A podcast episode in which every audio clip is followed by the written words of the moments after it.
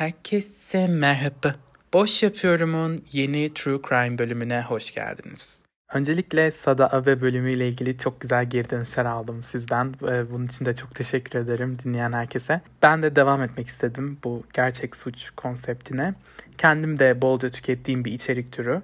Ee, ve böyle ilgimi çeken daha az bilindiğini düşündüğüm bazı vakaları sizlerle paylaşmak için arayı daha fazla açmadan yeni bir bölümle karşınızdayım. Ee, bugün size 17. yüzyılda yaşamış Fransız bir soylu olan ve son derece kötü şöhretli bir kadından bahsedeceğim. Marie Madeleine Dobre veya evlendikten sonraki adıyla Marquise de Brinvilliers.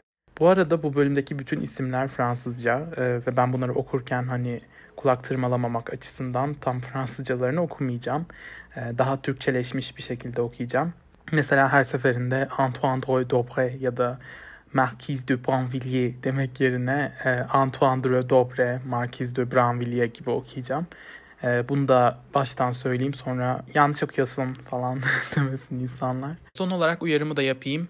Bu bölüm cinsel saldırı, ensest, işkence ve idam e, tasvirleri içeriyor. Bu içeriklerden rahatsız olan kişilerin tamamen kendi sorumluluğunda dinlemesini tavsiye ediyorum veya dinlememesini. Ve başlayalım. Marie Madeleine Dobre veya evlendikten sonraki adıyla Marquise de Brinvilliers 2 Temmuz 1630'da Paris'te doğdu.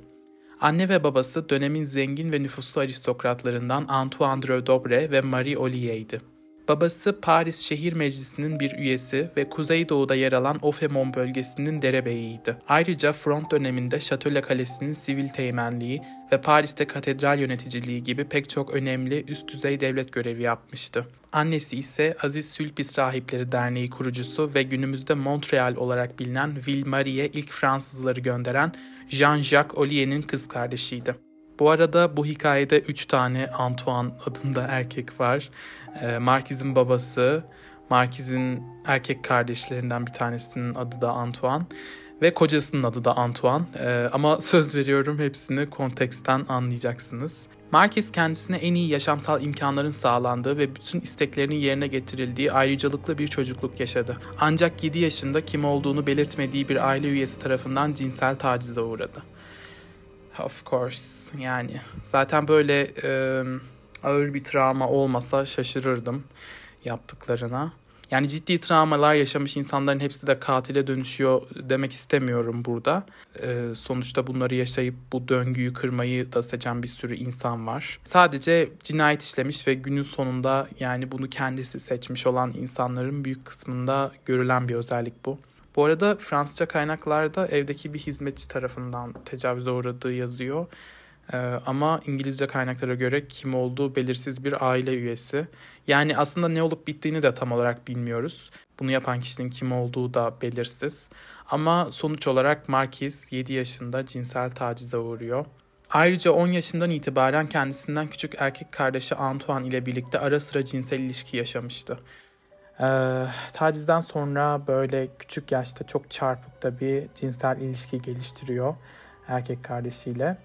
Ee, ben bu ensest olayının da tacizin bir sonucu olarak ortaya çıktığını düşünüyorum. Çünkü kendi yaş aralığından hiç beklenmeyecek kadar erken bir şekilde cinsel davranışlar sergilemeye başlayabiliyor çocuklar. Aslında çok karmaşık bir konu erken yaşta cinsel taciz farklı yaşlarda böyle kendini gösteren çeşit çeşit e, başa çıkma mekanizması geliştiriyor çocuklar. Marquis de böyle bir davranış bozukluğu geliştirmiş. Yaşadığı travmadan sonra kendi karakterine ters davranışlar sergilediği bir ergenlik dönemine girdi. Normalde neşeli ve konuşkan olmasıyla bilinen Marquis, sık sık kendi odasına kapanmaya ve yalnız vakit geçirmeye başladı. Odasından saatlerce çıkmıyor ve bazen sadece donmuş gibi belli bir noktaya bakarak hayallere dalıyordu. Babası bunu ergenlik dönemindeki genç kızlarda sıkça görülen asi davranışlardan farksız olarak görüyordu. 17. yüzyılda geçtiği için tabii yaşananlar ailesinin de bu davranışları pek umursamayıp işte genç kız asi olur zaten falan demelerine pek şaşırmadım açıkçası. Hatta belki kendi anne babasıydı taciz edenler. Yani o kadar az bilgi var ki bu kısımla ilgili. Ee, büyük ihtimalle fark edildiyse bile hiç umursanmamış diye düşünüyorum. Markiz büyüdü ve evlenme çağına geldi. O zamanlardaki yasalara göre kız çocuklarının babalarının mülkünden miras almaya hakkı yoktu. Bunun yerine Markis'ten birisiyle evlenmesi bekleniyordu. Babası kendisine ve evleneceği adama 200 bin livre miktarında çeyiz parası hediye edecekti. Livre bu arada günümüzdeki euro olarak bilinen para biriminin 18. ve görünüşe göre 17. yüzyıldaki atası. Livre'den sonra franka geçilmiş ve çok uzun bir dönem frank kullanıldı. Sonra da yanlış bilmiyorsam 2002 yılında Fransa Euro'ya geçti. Ee, bunu da merak edenler için küçük bir bilgi olarak açıklamış olayım. 1651'de 21 yaşında Marquis Şövalye ve Nurar bölgesi lordu Antoine Goblin Marquis de Branvilliers ile evlendi. Ee, Branvilliers adını da bu şekilde almış oluyor. Hatta Marquis adını bile bu şekilde almış. Kocası Antoine'ın o dönemdeki serveti 800 bin livre civarındaydı. Bu arada bu para miktarının e, günümüzdeki karşılığını merak ettim ve böyle e, yıla göre antik Fransız paralarını dönüştüren bir siteden baktım arkadaşlar. Şu anki parayla 28 milyon euro. E, yani gerçekten bok gibi zenginmiş. Bunu da öğrenmiş olduk. Bu para kendisine aile yadigarı duvar kilimi işlerinden miras kalmıştı. Babası üst sınıf bir siyasetçi ve Fransız Sayıştayı'nın başkanıydı. Evlendikten sonra Marquis'in babası çifte Paris'in ayrıcalıklı bir bölgesi olan Mares'de bir ev hediye etti. Evet, Marais gerçekten e, o zaman da da öyleymiş. Şu anda da bayağı seçkin ve böyle aristokratların, sanatçıların falan yaşadığı bir semt. Sen Nehri kıyısında ve böyle Notre Dame'a da çok yakın. Bir yıl sonra 1652'de ilk çocukları doğdu. Marquis küçük kıza kendi ismini verdi. Marie Magdalene. 2 yıl sonra ikinci kızları Teres ve 8 yıl sonra oğulları Louis dünyaya geldi. Üçünü de mahallelerindeki kilisede vaftiz ettirdiler. Bunun yanı sıra Markiz daha öncesinde eski sevgililerinden olduğu tahmin edilen 4 tane daha gayrimeşru çocuk doğurmuştu. Yani aslında 7 çocuğu varmış. Çağdaş günlere ulaşan yazılı kayıtların gösterdiği üzere Markiz karşısındaki insanın gardını düşürebilen bir çekiciliğe ve masumiyet havasına sahipti. Soylu bir aileden geliyor, çoğu insan tarafından seviliyordu. O dönemdeki insanların büyük kısmına göre oldukça iyi eğitimli bir kadındı. Yazdığı yazılar aynı dönemin çeşitli kaynaklarıyla kıyaslanarak incelendiğinde sofistike bir söz dizimine ve kelime seçiminde edebi bir inceliğe sahip oldukları görülür. Marquez'in etkileyici bir ifade gücü vardı. Yine seri katillerin bir özelliği daha kendilerini işte iyi ifade etme ve insanları çekicilikleriyle etkileyerek onları manipüle etme becerisi. Branvilliers çifti Mare bölgesine taşındıklarından beri birçok soylu aileyle arkadaş oldular ve bölgenin üst sınıf sosyetesine kabul edilmeleri fazla uzun sürmedi. Bu sayede akrabaları 3. Gaspard'ın malikanesinde gerçekleşen özel davetlere de katılmaya başladılar. Bu ayrıcalıklı davetlerin katılımcıları arasında La Fontaine gibi dönemin seçkin edebiyatçıları ve Cizvit yoldaşlığı Hristiyan tarikatı rahibi Dominik Buhur gibi isimler yer alıyordu. Markiz bu davetlerden birinde kocasının bir dostu olan iş adamı ve hazine bakanı Pierre Penottier ile tanışıp arkadaş oldu. Kocası onu ayrıca kraliyet süvarisi Jean-Baptiste Godin de Sainte-Croix ile tanıştırdı. Bu adamın adını daha sonra çok duyacağız bu arada. Her seferinde böyle okumamak için kendisine Godin diyelim kısaca. Godin tam anlamıyla bir simya tutkunuydu. Ettikleri sohbetlerden sonra birbirlerinden çok hoşlandılar ve çok geçmeden Marquis Godin'in metresi oldu. Bir süre sonra Antoine karısının Godin ile olan ilişkisini öğrendi. Ancak pek aldırış etmedi. Zaten kendisi de çok sayıda metresle görüşüyor ve zamanını kumar oynayarak geçiriyordu. Bu arada 17. yüzyıl Fransa'sında bu tarz bir evlilik çok yaygın bir şey. Yani evli çiftlerin metresleri olması, özellikle aristokrat çevrede yani evlilikler neredeyse tamamen parasal kaygılarla yapıldığı için hani aşk olmuyor genelde ve çok boktan evlilikler yapıyor insanlar. Yani şu anki Türkiye gibi aslında. Ve erkeklerin böyle metresleri falan oluyor. İşte kilisede görmezden geliyor bunu. Ee, bir boşanma talebi olmadığı sürece. Ama kadınlar aynı metres olayını sadece işte herkesten gizli olursa ve eşleri de müsaade ederse yapabiliyorlar. Yoksa orospu oluyorlar. Böyle de bir çifte standart var. Marquis yeni sevgilisiyle birlikte mümkün olabilecek en lüks zevkleri tatmaya kararlıydı. Bunun için savurgan bir şekilde para harcamaktan hiçbir zaman çekinmedi. Evlendiğinde aldığı çeyiz parasını kullanarak Godin'in tavsiyesiyle sonrasında boşa çıkacak çeşitli yatırımlar yaptı. Birlikte eğlenmek için bolca vakit geçirdiler. Artık kocasıyla servetlerinin bir nevi evlenmeden önce olduğu gibi kendilerine ayrılmış olması o dönemde boşanmadan çok da farklı bir şey olarak görülmüyordu. Boşanma Fransız aristokrat çevresinde büyük bir ayıp ve tabuydu. Godin ile olan yasak ilişkisi sonunda Markiz'in babasının da kulağına gittiğinde Antoine bundan çok rahatsız oldu. Fransız halkı kızının yaptıklarını öğrenirse ailece sahip oldukları itibara ve yüksek konumlarına zarar gelebilirdi. Bunun üzerine babası nüfuzlu bir figür olarak sahip olduğu yaptırım gücünü kullandı ve 1663'te Godin'in tutuklanması için çağrıda bulunan bir kraliyet fermanı imzalattı. Godin kısa sürede yakalandı ve Bastil Kalesi'ne hapsedildi. Hücre arkadaşı Exile adında İtalyan bir kimyagerdi. Kısa sürede kaynaşıp uzun sürecek bir dostluk kurdular. Exile pek çok insanı zehirleyerek öldürdüğü iddiasıyla hapis yatıyordu. Beraber geçirdikleri zaman dahilinde Exile bildiği her şeyi Godin'a öğretti ve bir gün zehire ihtiyacı olursa diye ona İsviçreli kimyager dostu Christoph Glaser'in adresini verdi. Bir buçuk ay sonra Godin serbest bırakıldı ve evlendi. Ancak metresine kısa sürede geri döndü. Artık kendisinin de hakim olduğu zehir sanatını Markiz'e öğretti. Edindiği bilgilerden çok etkilenen Markiz, İsviçre'den şişelerce zehir sipariş etti. Zehir konusundaki hünerlerini ilk önce yiyeceklere karıştırarak kendi hizmetçisi üzerinde denedi. Ancak bunun yeterli olmayacağını hissettiğinde bir hastaneye ziyarete gidip hastalar üzerinde farklı dozlarda denemeler yapmaya karar verdi. İçinde yaşadığı çağda Markiz gibi bir soylu kadının cinayet işleyebileceği pek düşünülmeyen bir ihtimaldi. İşte asla bilemezsin cinayeti bir kadına yakıştıramamak da yani sonuçta çok seksist bir şey. Bu yüzden e, kadın katiller eski dönemlerde hiç yakalanmadan çok uzun bir süre boyunca cinayetlere devam edebilmişler. Fransız soylu kadınlar hastaların bakımına yardımcı olmak ve iyi niyetlerini göstermek için sık sık hastaneleri ziyaret ederlerdi. Bu da çok gıcık bir gelenekmiş bence.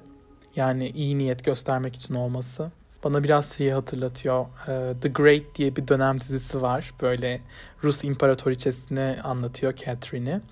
Orada bir sahne vardı. Böyle çatışma olmuş. İmparatoriçe savaş alanını ziyarete gidiyor. Böyle e, tertemiz, çok şık bir elbiseyle kanlar içinde askerlerin yanında böyle kimisi kolunu kaybetmiş, kimisi gözlerini kaybetmiş ee, ve onların aralarında gezip böyle makaron falan dağıtıyor. O kadar saçma bir ortam ki. Bir tane askerin elinde böyle bomba mı ne patlamış, elini kaybetmiş. Ona işte böyle hangi makaronu istersin falan diyor ve ağzına makaron tıkıyor adamın.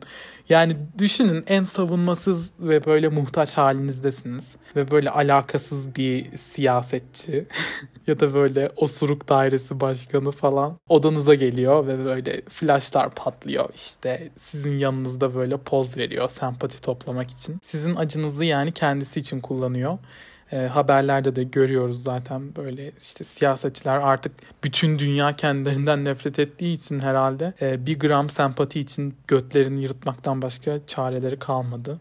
Bir de şunu düşünün siz o kadar çaresiz bir haldesiniz ki tamam diyorsunuz hani ne kadar gıcık ve onur kırıcı olursa olsun yeter ki bana yardım etsin diyorsunuz. Ama yardım da etmiyor. Bunun yerine üstünüzde zehir falan test ediyor yani çok sinir bozucu. Notre Dame yakınlarındaki Otel Dieu hastanesinde bulunan mevcut hastaların çoğu yatalak olduğu için Markiz zehirlerini fazla şüphe uyandırmadan hastalar üzerinde test etmek için burayı seçti. Yani öldürmek istediği birkaç insan için e, hastanede yatan ve böyle hiçbir alakası olmayan masum insanları da kobay olarak kullanıyor. E, öylesine cani bir insan. Otel diyor ismi de Tanrı'nın hastanesi demek bu arada. Bu da ironikmiş. Hastane çok kötü yönetiliyor ve çoğu zaman kapasite fazlası hastalarla dolup taşıyordu. Odalarda hayat kurtaran doktorlardan çok ruhları kurtarması beklenen din görevlileri bulunuyordu. Ortam öylesine karışık ve denetimsizdi ki şüpheli koşullar altında ölen kişilerin bile fark edilmediği oluyordu. Markiz'in bu şekilde iki hastayı öldürdüğü ve en az 15 hastayı farklı dozlarda zehirlediği düşünülmektedir. Hastanede olanlara ilişkin suçlamaların tümü Markiz öldükten sonra sonra ortaya çıkmıştır. Hastanedeki planında başarılı olan Markiz, kendisine istediği mirası vermeyen babasını zehirlemek üzere planlar yapmaya başladı. Babasını düzenli olarak yiyecek yoluyla zehirlemesi için Gasco adında bir hizmetçiyle anlaştı. 1666'da babasının daveti üzerine onu ziyarete gitti. Zavallı Antoine kızını ve torunlarını gördüğüne çok sevinmiş, hastalığı yüzünden bozuk olan morali bir nebze de olsa yerine gelmişti. Bu da çok acı bir durum. Yani insan sonuçta en çok yakınındakilere ve ailesine güveniyor. Ama çocuğun sen miras vermedin diye seni zehirlemeye çalışıyor yani ve senin bundan haberin bile yok. Beni ziyarete geldiler falan diye seviniyorsun böyle. Kendisi de çok kötü bir baba olabilir bu arada. Olayların arka planını tam bilmiyoruz ama üzücü bir durum. Markiz İsviçre'den getirdiği zehirleri Antoine'a düzenli dozlar halinde tam 10 kez vererek kendi babasını yavaşça ve acılar içinde öldürdü. Kullandığı zehirler kombinasyonu kişinin ölümünden sonra otopside tespit edilemeyecek ve kurbanı doğal sebeplerden dolayı ölmüş olarak gösterecek şekilde tasarlanmıştı. Oha! Yani hiçbir kimyasal iz bırakmayan ne kullanmışlar çok merak ettim açıkçası. Gerçi büyük ihtimalle günümüzün otopsisinde bulunabilirdi ama yine de çok korkunç. Her şey tam Marquez'in planladığı gibi gitmişti. Otopside şüphe uyandıran bir şey bulunmadı. Böylece Godin'la istediği ilişkinin önündeki engeller kalkmış oldu ve babasının servetinden istediği payı aldı. Ancak sevgilisiyle birlikte mirası harcayıp bitirmeleri pek uzun sürmedi. Marquez'in işlediği cinayetlerin nedenlerine dair sunulan fikirler oldukça çeşitlidir. Aile mirasını devralmak, onlardan kurtulma arzusu, istediği yaşam tarzı için olan muazzam para ihtiyacı veya bazılarına göre çok daha basit bir zevk, öldürme arzusu. Hem fikir olunan ise şudur ki Marquez için hiçbir şey yeterli değildi. Bu defa Marquez babasının servetinden pay aldığını bildiği diğer varislere göz koydu. Yani asla doymuyor. Zaten lüks bir hayatın içine doğmuş. E, alışık olduğu şey bu olduğu için bu hayat tarzını sürdürmek istiyor ve parası için yani kendi ailesini bile öldürmekten çekinmiyor. Hatta ben kurbanlarını zehirlemekten bir cinsel haz aldığını da düşünüyorum. Ee, bu da seri katillerin çoğunda görülen bir şey. Ölümleri sonrasında varlıklarını miras alacağını düşünerek iki erkek kardeşini zehirlemeye karar verdi. Kardeşler aynı evde yaşıyordu ve Markiz ile araları pek iyi değildi. Onları zehirlemesi babası kadar kolay olmayacaktı. Yine de Markiz öncekine benzer bir yol izledi. Daha çok La Chaussee lakabıyla bilinen Jean Amolan adında bir adamı kardeşlerinin evinde çalışması için hizmetçi olarak işe aldı. Ya bu hizmetçi olayı da çok tuhaf değil mi sizce? Yani e, o zamanlar sanki birisinin evine böyle eşya hediye ediyorsun gibi uşak mı hediye ediyorsun? Kardeşlerin bile olsa ev sahibi yani sonuçta sen değilsin ve nasıl onların yerine böyle şak diye birini işe alıyor gerçekten çok tuhaf geliyor bana bu. Hani bu şüpheli bir davranış olmasa bile bu arada abileri de Markiz bu adamı nasıl bulduysa aynı şekilde böyle ismini etrafta soruşturarak e, Leşose'nin kim olduğunu öğrenebilirlerdi. Yani ben bunun daha net bir açıklamasının yapılmasını isterdim. Bence bu noktada işte ikna kabiliyetini falan kullanarak e, bir de ablaları sonuçta yani araları iyi olmasa bile güvenmişlerdir diye düşünüyorum. Bu şekilde muhtemelen fazla soru sorulmadan işe alınmış La Chose. Ee, bu arada adamın adı resmen Kaldırım. Yani La Chose Kaldırım demek. Niye böyle bir lakabı varmış acaba çok garip. Chose derhal işe koyuldu. Birkaç gün içerisinde Antoine'a ilk dozu vermeyi denedi. Ancak Antoine o akşam içkisindeki metalik tadı fark etti ve zehirleme girişiminden şüphelenip içmeyi bıraktı. Böylece Chose'nin ilk denemesi başarısız oldu. Bir de bu var ya adam böyle zehirlendiğini falan anlıyor ama hizmetçiden şüphelenmiyor. Yani I don't know. Ancak haftalar sonra evde bir Paskalya ziyafeti yapıldı. Antoine ziyafette bir dilim turta yedikten saatler sonra iyice hastalandı. Durumu artık öyle ağırlaşmıştı ki toparlanamaz hale geldi. 17 Haziran 1670'te öldü. Marquis kardeşinin cenazesinden sonra vakit kaybetmeden Şose ile birlikte en genç kardeşi Dro'yu da 3 ay içerisinde zehirleyip öldürdü.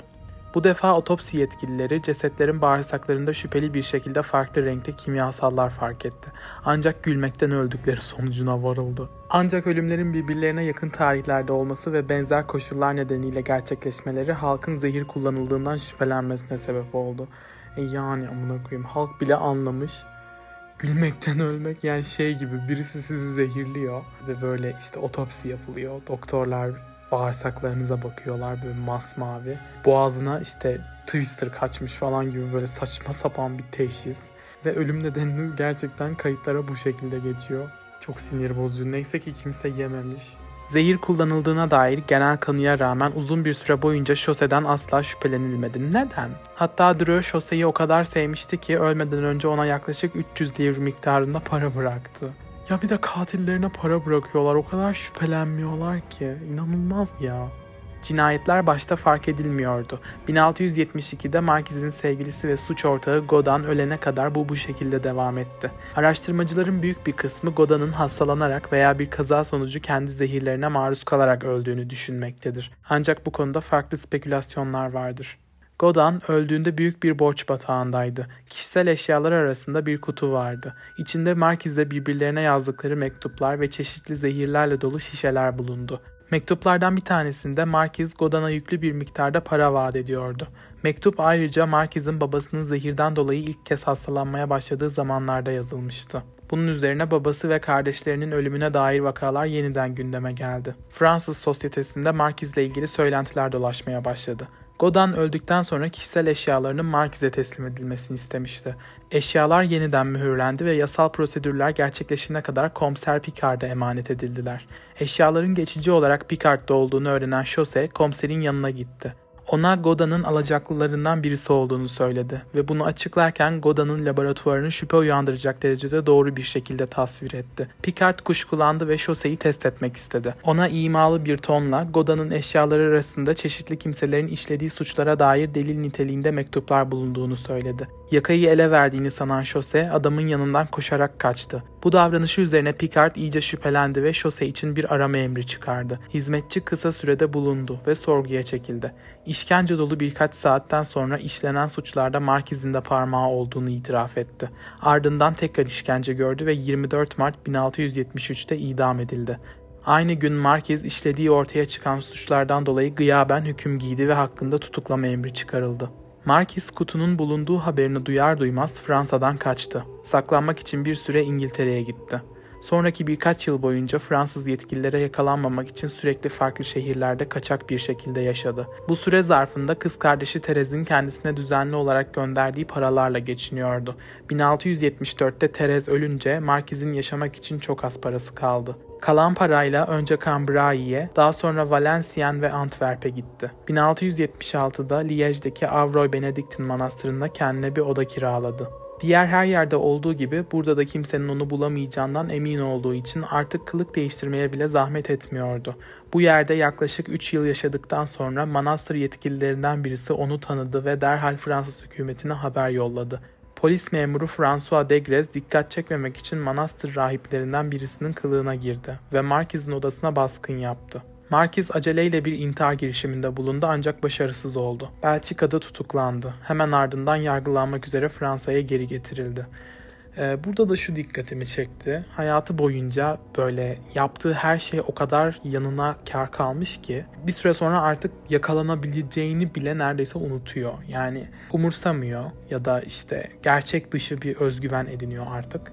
Seri katillerin böyle yakalanmaya yakın sergiledikleri bir davranış bu da hatta kriminolojik bir teoriye göre çoğu seri katili seri katil yapan şey ikinci cinayet. Çünkü ilk seferinde katil de bir şok yaşıyor yani yaptığı şeyin ağırlığı yüzünden ve e, bunun kendisine böyle felsefi bir açıklamasını yapmak ya da kendi içinde anlamlandırmak yerine işte daha pratik şeyler düşünüyor. Cesetten kurtulmak gibi. Ama ikinci cinayette genelde bir şeyler netliğe kavuşuyor. Katil yaptığı şeyi ve sonuçlarını tamamen anlıyor ve kendisi için anlamlandırıyor. Ve bundan sonra da bu bilinçle devam ederek seri katil olmuş oluyor. E, bu yüzden ikinci cinayet çok kritik. E, konudan saptım biraz. Ama demek istediğim şey e, seri katiller hani yaptıkları şeyleri kendi kafalarında rasyonelleştirdikten sonra e, gerçekten gerçek dışı bir özgüven de edinmeye başlıyorlar ve bu genellikle yakalanmalarına yakın bir zamanda gerçekleşiyor. Manastır'daki odasında bulunan kişisel eşyaları arasında itirafların başlıklı bir mektup bulundu. Adından da anlaşılabileceği üzere mektup diğer kişisel meselelerle birlikte Markiz'in yıllar boyunca işlediği çeşitli suçları detaylı bir şekilde anlatıyordu. İtirafları arasında öldürdüğü babasının ve iki erkek kardeşinin yanı sıra kız kardeşi Terez'i, kocası Antoine'ı ve kendi kızını da zehirlemeye çalıştığı yazıyordu. Kendime engel olamıyorum yazmıştı. Buradan da anlıyoruz e, yaptığı şeyin yani lüks hayatla falan alakası olmadığını.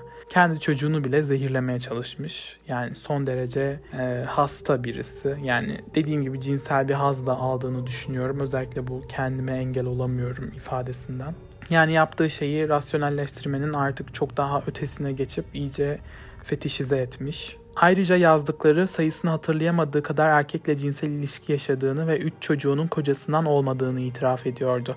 Bazı araştırmacılar mektubun Marquis tarafından yazıldığından ve içeriğinin doğruluğundan şüphe etse de bu yazılar Fransız mahkemesinde Marquis'e karşı güçlü bir delil olarak kullanıldı. Kendisiyle aynı çağda yaşamış olan Fransız aristokrat Madame de Sévigné meşhur mektuplarında Paris sosyetesinde Marquis hakkında yayılan dedikodulardan bahsetmiştir. Bu söylentilerden birkaçı itiraf mektubundaki suç unsurlarının ayrıntılarıyla örtüşüyordu. Marquis dönüş yolunda birkaç intihar girişiminde daha bulundu ancak engellendi. Nihayet Fransa'ya vardılar. Sorguya çekildiğinde kendisine yöneltilen iddiaları ne reddetti ne de üstlendi. Adeta onlardan hiç haberi yokmuş gibiydi. Ailesinin ölümünden ve Godin'la olan ilişkisinden bahsedildiğinde şaşırmış gibi davrandı. Memurlara sorular sordu. E, salağa yatmış yani. Bunu da bu salağa yatma şeklindeki davranış örgüsünü bir sorgulama videosunda canlı bir şekilde görmek isterseniz Casey Anthony ve Jodi Arias'ın videolarına bakabilirsiniz. Özellikle Casey Anthony'yi izlerseniz yani tam bir manipülatif sosyopat. Kendi kızını öldürmüş ve sorgu sırasında öyle bir salağa yatıyor ki Kadına diyor ki dedektif e, işte çok ciddi bir suçlamayla karşı karşıyasın şu anda. Yani hayatının geri kalanını hapiste geçirme ihtimalin var. Ve kadın Hmm, aynen. Ya aynen genelde öyle oluyor e, bu tür durumlarda. E, evet benim arkadaşımın başına da şu gelmişti falan gibi böyle öyle bir çarpıtıyor ki konuyu. Hani sonra polisler artık böyle bize söylediğin her şey yalan falan diyorlar direkt yüzüne. Hani niye yalan söylüyorsun kızını bulmamızı istemiyor musun falan diyorlar. Ve hmm, anlıyorum aynen. Aslında hepsi de yalan değil falan gibi böyle. Yani bir itiraf alana kadar kafayı yersin o insandan. Neyse ki Markiz'e karşı kanıt varmış. Sorgulamanın ardından mahkemeye çıkana kadar kalacağı Paris'teki konsiyerjeri hapishanesine gönderildi. Madame de Sévigné kızına yazdığı bir mektupta Markiz'in davasının tüm Paris'in ilgi odağı haline geldiğinden bahsetmiştir. Duruşmanın başlangıç safhası Markiz'in finansörü Penotier ve Godin arasındaki para akışına odaklandı. İlerleyen saatlerde ise Markiz kendisine yöneltilen tüm suçlamaları reddetti ve suçu eski sevgilisi Godin'a attı. Bu iddiasını destekleyecek bir kanıtı ise başlangıçta yoktu. Ancak Marquis'in eski sevgililerinden birisi olan Jean-Baptiste Briancourt'un ifadesi alındıktan sonra durum değişti. Briancourt, Marquis'in kendisine kardeşlerini ve babasını zehirlediğini itiraf ettiğini söyledi. Sonrasında Godin ile birlikte Jean-Baptiste'i de öldürmeye çalışmışlardı. Marquis Briancourt'un kendisine yönelik tüm suçlamalarını kendisinin bir ayyaş olduğunu öne sürerek reddetti. Ancak mahkeme Briancourt'a inanmıştı. Suçlamalar mektuptaki itiraflarla gerçeksel ve zamansal bakımdan örtüşüyordu. Son bir sorgulamadan sonra Marquis suçlu bulundu. Dava artık sonuca kavuşmuştu. Ceza olarak Marquis'in işkence görmesine ve başının kesilerek idam edilmesine karar verildi. Ardından da vücudu halka açık bir gösteride yakılacaktı. Ah, korkunç. İdamın gerçekleşeceği zamanlar Fransa Katolik bir devlet olduğu için Markiz'e ömrünün son saatlerinde günahlarını çıkarması için bir rahip verildi. Rahip Edem Piro, Markiz'in suçlarla dolu hayatını ve özellikle geçirdiği son saatleri ayrıntılı bir şekilde anlattığı bir kitap derlemiştir. Kitabın orijinal nüshası günümüzde Paris'teki Cizvit Kütüphanesi'nde bulunabilir. İnfazdan önce verilen hükmün bir parçası olarak Markiz'in üzerinde su işkencesi olarak bilinen işkence uygulandı. Bu yöntem Orta Çağ'dan 18. yüzyıla kadar Fransız mahkemeleri tarafından suçluları itirafa zorlamak için yaygın bir şekilde kullanılmıştır. Bu işkence yönteminde kişinin burnu kıskaçlarla kapatılıyor ve boğazına yerleştiren bir boru ile yaklaşık 4 litre su zorla ve kısa sürede içiriliyordu. En iyi ihtimalle dayanılmaz mide ağrılarıyla sonuçlansa da sorgulamanın şiddetine göre kullanılan su miktarı miktarı 7 litreye kadar çıkabiliyordu. Bu durumlar ise kimi zaman aşırı şişen mide patladığından veya kişi su zehirlenmesi yaşadığı için ölümle sonuçlanıyordu. Rahip Piro'nun kayıtlarına göre Marquis sorgu sırasında işkenceye uğrayacağını öğrendiğinde her şeyi itiraf etti. Bütün suçları üstlendi ve kız kardeşlerinden birini de zehirlediğini söyledi. Ancak bu işkencenin şiddetini azaltmadı. 4 saat süren eziyetten sonra Markiz zaten başlangıçta itiraf etmediği yeni bir bilgi vermedi. Sadece bir keresinde karısını öldürmek isteyen bir adama zehir sattığını itiraf etmiştir. İşkenceden sonra günah çıkarmak için Piro ile birlikte hapishane şapeline gittiler. Rahip Markiz'le yaptığı günah çıkarmayı tüm ayrıntılarıyla kaydetti. Günah çıkarmasına izin verilmişti ancak ağır hükümler giymiş mahkumlara yasaklandığı için ölümünden önce son bir komünyona katılmaktan mahrum bırakıldı. E, komünyonu da bilmeyenler için açıklayayım. Bir Hristiyan ayini böyle bir parça ekmek ve biraz şarabı kutsuyorlar. Ve bu İsa'nın vücuduyla kanını temsil ediyor. E, bu şekilde bu ekmeği yiyip şarabı da içerek İsa'ya yaklaşmak amacıyla yapılan bir hain. E, yani son bir kez ibadet etmek, namaz kılmak gibi düşünebilirsiniz. Bu komünyon hakkı da kendisine verilmemiş. Günah çıkarmadan sonra idam mahkumlarına giydirilen beyaz elbiseyi giydi ve Marquis kendisini seyreden kalabalıkla dolu katedralde başka bir cezası olan af dileme ritüelini gerçekleştirdi. Bu arada e, af dileme ritüeli diye çevirmiş ama amon honorable diye bir cezadan bahsediyor. Bu cezada da işte mahkum edilen kişi kilisede çıkıp alenen suçunu kabul ediyor ve herkesin önünde özür diliyor Tanrı'dan, işte toplumdan, insanlardan verdiği zararlar için. E, özünde dini bir motivasyon yok. Amacı tamamen toplumun öfkesini dindirmek, mahkumdan bizzat intikam isteyen insanları falan dizginlemek. Bir de böyle ağır suçlardan dolayı idam edilecek mahkumlara amon honorable cezası verildiğinde böyle aşağılayıcı bir biçimde idam ediliyorlar. İşte beyaz bir şey giyip böyle saçları kesiliyor. Ellerine mumlar veriyorlar. Böyle boyunlarına bir şey takıyorlar. Yani olabildiğince onursuz bir şekilde ölmeleri gerekiyor. Bu da 1825'te yeniden düzenlenen bir topluma saygısızlık yasasının zorunluluğuymuş. Katedralden ayrıldığında Markiz ölüme yürümesini izlemek için toplanmış bir aristokrat kalabalığıyla karşılaştı. Bir de böyle ne kadar iğrenç insanlar toplanıyor falan böyle birinin kafasının kesilmesini izleyecekler. Bir de eski krallıklarda çok yaygın bir şey bu zaten biliyorsunuzdur. Özellikle Fransa'nın giyotini falan meşhur. Bunların halka açık bir şekilde gösteri olarak yapılması yani çok farklı bir dünya gerçekten. İyi ki bu günler geride kalmış. Daha sonra Paris'in ünlü grev meydanına getirildi ve herkesin görebilmesi için meydanın ortasına kurulan bir platforma çıkarıldı. Grev meydanı da ta o zamanlardan beri ve her şey için protestoların yapıldığı çok işlek, e, ünlü bir meydan. Günümüzde de neredeyse her gün orada bir grev yapan birilerini bulabilirsiniz. Madame Sevigny idam gününü 17 Temmuz 1676 tarihli bir mektubunda anlatmıştır. Şimdi size o mektuptan bir kısım okuyacağım. Sonunda bitti. Branville'nin külleri artık havada. Henüz dün yargılanmıştı. Akşam saat 5'e kadar hayatını ve onunla ne yaptığını anlatmış. Akla gelebileceğinden daha da korkunçmuş. Babasını tam 10 defa tekrar tekrar zehirlemekten geri kalmamış. Erkek kardeşlerini, bir kız kardeşini ve birkaç kişiyi daha öldürmüş. Penotti'ye aleyhinde ise bir iddia yok. İşkenceden sonra yeni bir şey söylememiş. Başsavcıyla bir saat kadar konuşmuşlar. Konuşmalarının konusunu ise henüz bilmiyoruz. Saat 6'da onu Notre Dame'a götürdüler. İnfazı seyredenler Madame Branville'nin idam iskelesinin merdivenlerini çıkarken başının dik, kalbinin korkusuz olduğunu söylüyor. Kafasını kesmişler. Ardından koca bir ateş yakıp vücudunu içine atmışlar. İnfaz sırasında Eskar'ın hizmetçisiyle birlikte Notre Dame Köprüsü'ndeydim. Hayatımda daha önce hiç Paris'te bu kadar büyük bir kalabalığı böylesine sessiz ve etkilenmiş bir halde görmemiştim. Benim tek gördüğüm şey ise önümde duran bir rahibenin kukuletasıydı. Ama yine de bugünü yaşanan trajediye adadık. Madamın külleri rüzgara karıştı. Toplanan kalabalık onu soluyor ve ruhunu içine çekiyor. Aldığımız her nefeste bizi şaşırtan kasvetli bir ruh haline giriyoruz. Yarın daha fazlasını öğrendiğimde tekrar yazacağım. Marquez'in idamından sonra başta 14. Louis ve sulh yargıcı Larraine olmak üzere hükümet yetkilileri Marquez'in bu suçları tek başına işlemiş olamayacağına karar verdiler. Godin ve Chaussee öldükleri için Marquez'le tanışmışlığı olduğu bilinen ve hayatta olan Penottier hakkında soruşturma başlatıldı. Ancak kendisine karşı bir şey bulunamayınca aklandı. Larrain'in bir mektubunda açıkladığı üzere son derece soylu bir kimsenin böylesine kanlı bir skandala karışması, diğer soyluların zehirlenmeleriyle ve diğer şüpheli ölümlerle de bir bağlantısı olabileceğini gösteriyordu. Öylece Fransa'da özellikle soylu kesimleri ilgilendiren bir zehir paniği başladı.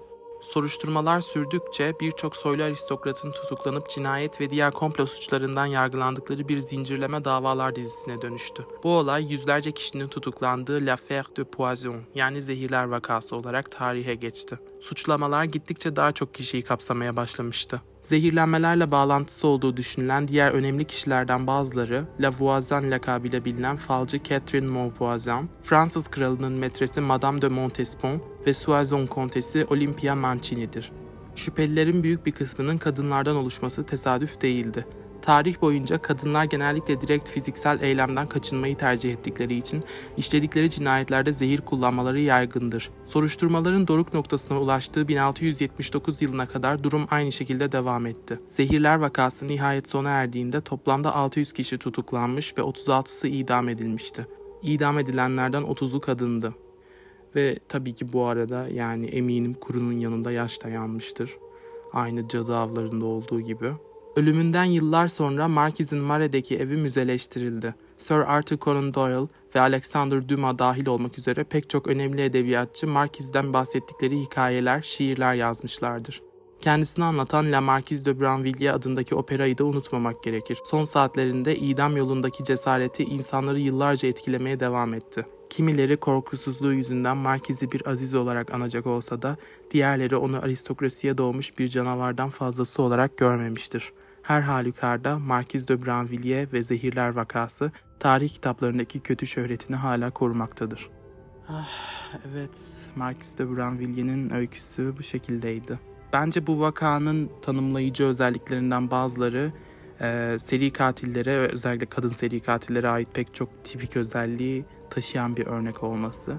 Ayrıca Fransız kadın suç tarihinin en iyi belgelenmiş örneklerinden birisiymiş. Benim için çok yorucu bir bölümdü.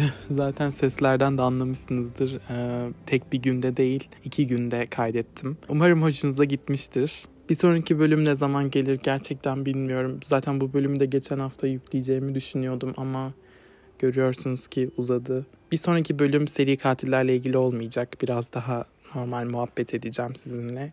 O zamana kadar kendinize çok iyi bakın. Sizi seviyorum ve öpüyorum. Bay bay. Boş yapıyorum artık Apple Podcast'te. En sevdiğiniz bölümleri indirmek ve çevrim dışı olarak dinlemek için Apple Podcast'te veya Spotify'a gidin. Yakında görüşmek üzere. Görüşmek üzere.